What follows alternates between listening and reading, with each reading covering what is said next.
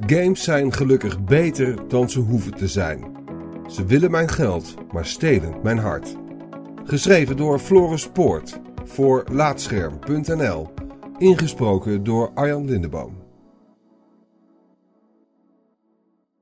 Games zijn een miljardenindustrie waarbij de grote multiplayer games het meeste geld binnenhalen. Toch worden we elk jaar weer verwend met tientallen liefdevol gemaakte singleplayer games. Unieke ervaringen die puur gekeken naar de cijfers onnodig goed zijn. Gelukkig maar. Neem een kijkje op een lijst met de best verkochte console games van 2017 en je ziet bijna alleen maar multiplayer games. Op de nummer 1 na, dat was nog steeds GTA 5, een game uit 2013 en dat is gestoord. De top 10 van vorig jaar bevat drie Call of Duty games, FIFA 17 en 18, Destiny 2, Battlefield 1 en twee Tom Clancy titels. Allemaal multiplayer games gemaakt volgens een redelijk vast recept en daarmee vrijwel zeker van een jaarlijks miljoenen succes. De top 10 belooft dit jaar weinig anders te worden, met monsterhits als PUBG en Fortnite en vervolgen op de voorgenoemde titels. Een verstandig mens zou alleen maar zulk soort games maken, zou je haast zeggen. Ik moest eraan denken terwijl ik God of War zat te spelen. Een game waar ik niet per se rijkhalsend naar had uitgekeken. Ik heb de eerste drie games met plezier gespeeld, maar vooral als goed gemaakte tussendoortjes. Ik had het prima gevonden als dit deel ook zo'n game was geweest. Net als collega Rutger ben ik een tamelijk oppervlakkige gamer. Niet alles hoeft van mij voor de Michelinster te gaan. God of War deed dat tot mijn verrassing wel, als vierde hoofddeel in een serie met een geëid concept. De game torent boven zijn voorgangers uit en vertelt een intrigerender verhaal op een veel volwassenere manier. De personages groeien en vertellen op verrassend normale wijze hun verhalen, soms grappig, soms aangrijpend. Ze doen dat in een schitterend vormgegeven wereld waarin het hoofdverhaal uitnodigt en met zijn missies van hogere kwaliteit dan de hoofdmoot van menig andere game. Het vechtsysteem verveelt geen moment, met aanvallen die krachtiger en rauwer voelen dan ik ooit in een andere game meemaakte.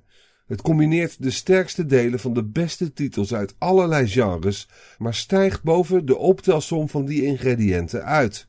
Kort gezegd, een game die zo moeiteloos overdondert dat je je afvraagt waar je het aan te danken hebt. Het is het compromisloze resultaat van vijf jaar ploeteren door regisseur Cory Barlog en Santa Monica Studio. Barlog kreeg van studio-eigenaar Sony carte blanche. Zorg dat de game zo goed mogelijk wordt, was de enige opdracht. Ik ben ontzettend blij dat game studios die vrijheid krijgen. Die opdracht om het best mogelijke te maken in een vreemde miljardenindustrie. Want met minder vrijheid en een vastgesteld budget was God of War vast nog een prima game geweest. Het had misschien achter gescoord in plaats van negen centine, maar zeker nog miljoenen opgebracht. Alleen was het dan niet de nieuwe standaard voor singleplayer games geweest die het nu is geworden. Games als God of War bewijzen dat grote studio's niet alleen op zeker spelen. Dan zouden er alleen maar titels verschijnen zoals die in de top 10 van best verkochte games.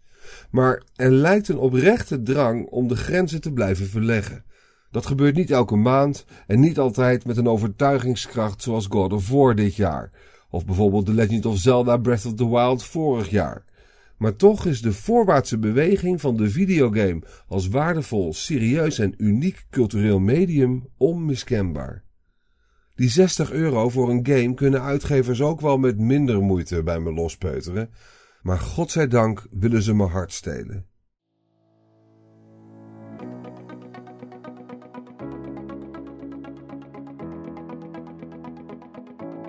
Dankjewel voor het luisteren naar deze aflevering van Laatscherm voorgelezen. Als je waardeert wat we hier doen, dan zouden we het leuk vinden als je iemand anders vertelt over laatscherm.nl of een van onze verhalen deelt op social media. Je kunt ook heel eenvoudig 5 sterren achterlaten in de podcast-app van Apple en eventueel een recensie, waardoor we weer beter vindbaar worden voor anderen. Luister ook naar onze andere podcast, Praatscherm. En ga voor meer verhalen, geschreven of gesproken, naar laatscherm.nl.